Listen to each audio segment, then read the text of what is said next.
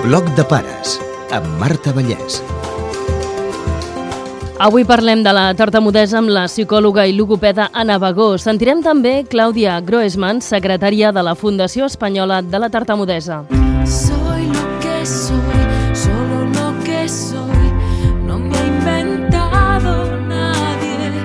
Què és la tartamudesa? És una disfunció de la parla que es dona en la comunicació. La persona que té disfluències o que tartamudeja no ho fa quan parla amb animals, quan parla amb nens petits i quan parla sol. No parlem mai de nens o nenes tartamuts. Nosaltres no parlem ni de nens quecos ni nens tartamuts. Nosaltres parlem de nens que fan disfluències. Perquè en aquell moment el nen està fent una disfluència, però això no vol dir que s'hagi de cronificar. El terme de caqueig, de tartamudesa, és ja quan hi ha una cronicitat en el tipus de parla.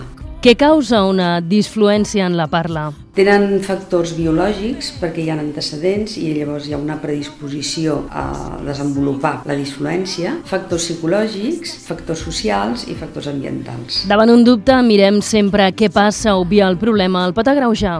Hi havia abans una mica la teoria de, bueno, que és petit, ja li passarà, ja aprendrà, que això és una teoria que fan servir molt els pediatres i jo estic cansada de fer una crida als pediatres que això no passa, que hi ha nens que sí els hi pot passar, però que llavors no és una disfluència, sinó que són vacil·lacions pròpies de l'aprenentatge de la parla i en uns altres nens en què això es anirà cronificant. Al final soy solo lo que soy. Si no s'intervé, va variant la sintomatologia i es va complicant. I això fa que el nen a vegades es trobi en situacions en les que no se sent capaç de parlar i deixa de parlar. Lest we forget how fragile we are.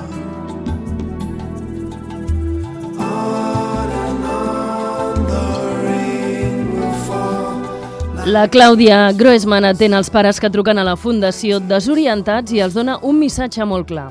Generalmente van al pediatra y les dice, tranquilo, esto es algo pasajero, es normal en la, en la evolución del lenguaje cuando el niño comienza a hablar. Entonces los papás nos quedamos tranquilos porque confiamos en el pediatra. Sí, quedémonos tranquilos, pero actuemos. Lo primero de todo son las pautas, cómo interactuar con el niño. La mamá generalmente llama. Lo primero de todo es que es ella la que tiene que estar tranquila. No tiene que ver un problema, tiene que ver una oportunidad de crecimiento de toda la familia. Si lo ves de esa manera, te cambia el panorama. Las mamás de, niños de 2, 3 años, generalmente nos preocupamos porque ellos van a ser infelices el día de mañana. Se van a reír de ellos, no van a poder ir a la universidad. Y te aseguro que el 90% de las cosas que nos preocupamos nunca existieron. Com ho podem detectar? Què ens pot?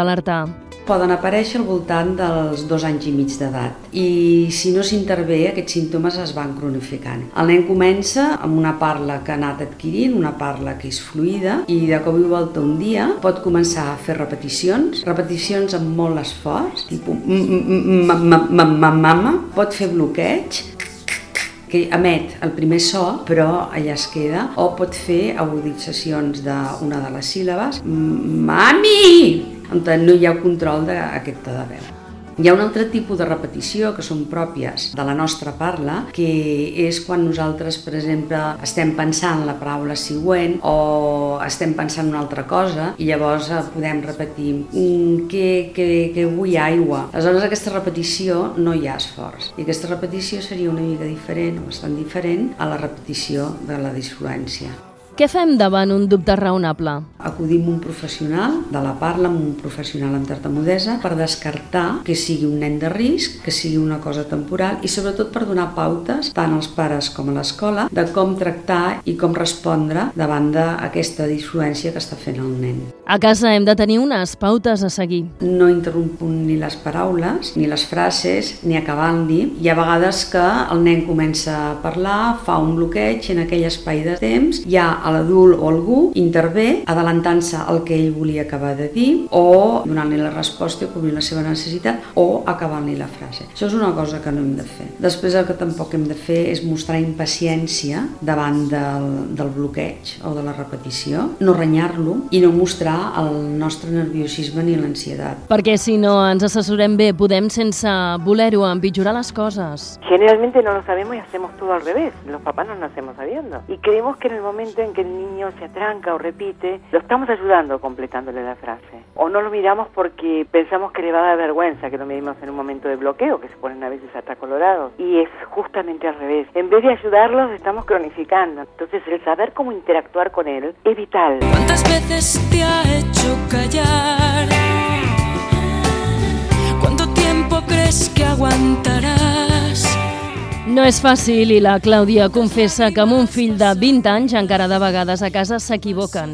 Yo hasta el día de hoy, ya van 20 años, todavía por debajo de la mesa le hago así a mi marido con el pie, como para que lo deje terminar de hablar o para que no le complete la frase. Estamos acostumbrados a un ritmo muy veloz. Ellos saben perfectamente lo que quieren decir, por lo tanto no hay que completarles la frase.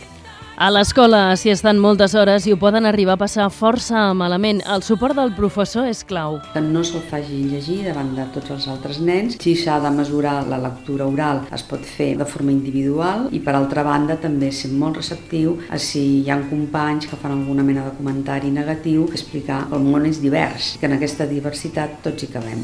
Per treballar el problema hi ha un mètode força eficaç. Amb nens petits hi ha un, un tractament específic que és el mètode LITCOM de dos anys i mig fins a sis anys. Aquí estan implicats els pares, se li ensenyen a fer una sèrie d'exercicis en el nen i se li ensenyen als pares, de manera que després els pares cada dia, diàriament, han d'estar una estona amb el nen per treballar aquests aspectes de la parla. I per a nens i nenes una mica més grandets? Treballem directament amb el nen, també es treballa directament amb els pares i es fan fer una sèrie d'exercicis a casa de manera que el nen vagi augmentant la seva producció de fluidesa en totes les àrees de la seva vida. Al primer lloc, en el temps de la consulta, quan aquest nen manté la fluidesa en aquesta situació, anem a buscar una altra situació que per ell sigui emocionalment fàcil, llavors li ensenyem a seguir mantenint la fluidesa aquí. Anem pujant com a escales fins a arribar un moment en què el nen és capaç de mantenir la fluidesa en totes les àrees de la seva vida. Anar avançant i millorar els dona seguretat. Ells venen molt contents perquè se'ls ajuda, se senten molt aliviats, perquè és allò de dir, mira, finalment algú se n'ha donat compte que a mi m'està passant alguna cosa. Ells el tractament el reben molt bé perquè els ajuda realment a mantenir la fluidesa i això fa que, que se sentin més confiats en ell. Sin miedo, lo malo se nos va volviendo bueno. Conviure amb la disfluència sense buscar una solució pot crear complicacions. La inseguretat, la por, l'angoixa anticipatòria, el pànic escènic, el no poder donar l'opinió amb un grup d'amics perquè jo no sé quan em tocarà el torn de paraula, perquè no sé si el que dic m'encallaré i els altres no em respectaran el torn i ja em tallaran, perquè a vegades pel fet de començar amb esforç ja ni m'escolten. I això evidentment va complicant molt tota la situació personal fins al punt que hi ha hagut nens que han deixat d'estudiar per no poder enfrontar la situació de parla i poder-la congeniar amb l'àmbit escolar.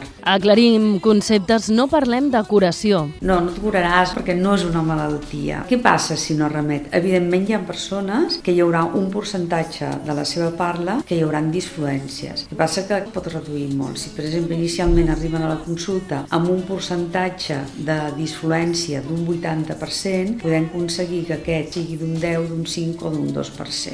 Afecta més el sexe masculí i no té res a veure amb el coeficient. És una disfunció que es presenta més amb els nens que amb les nenes. Per tartamudejar no et determina el teu potencial intel·lectual. Hi ha persones molt intel·ligents que tartamudegen i persones menys intel·ligents que tartamudegen. La pel·lícula El discurs del rei ha ajudat força a les persones amb tartamudesa. Normalitza una disfunció que fins ara estava com amagada. Per exemple, hi ha famílies que tenen vergonya del nen que fa disfluències fins a tal punt que públicament ja els hi diuen no, ja t'ho demano jo, anem a un bar, ja et demano jo la consumició, de manera que en el nen no el deixen enfrontar en situacions. Amb la pel·lícula hem normalitzat una disfunció que ha estat fa molts anys, des de que apareix la parla en l'ésser humà i que està present en totes les races, en tots els països, en tots els idiomes. Camino, haciendo a paso lo mejor de lo vivido. Quin és el seu primer record? No he vingut per parlar de coses personals. Per què ha vingut, doncs? Perquè sóc un tartamut! Seré com el rei boig, Jordi el tartamut.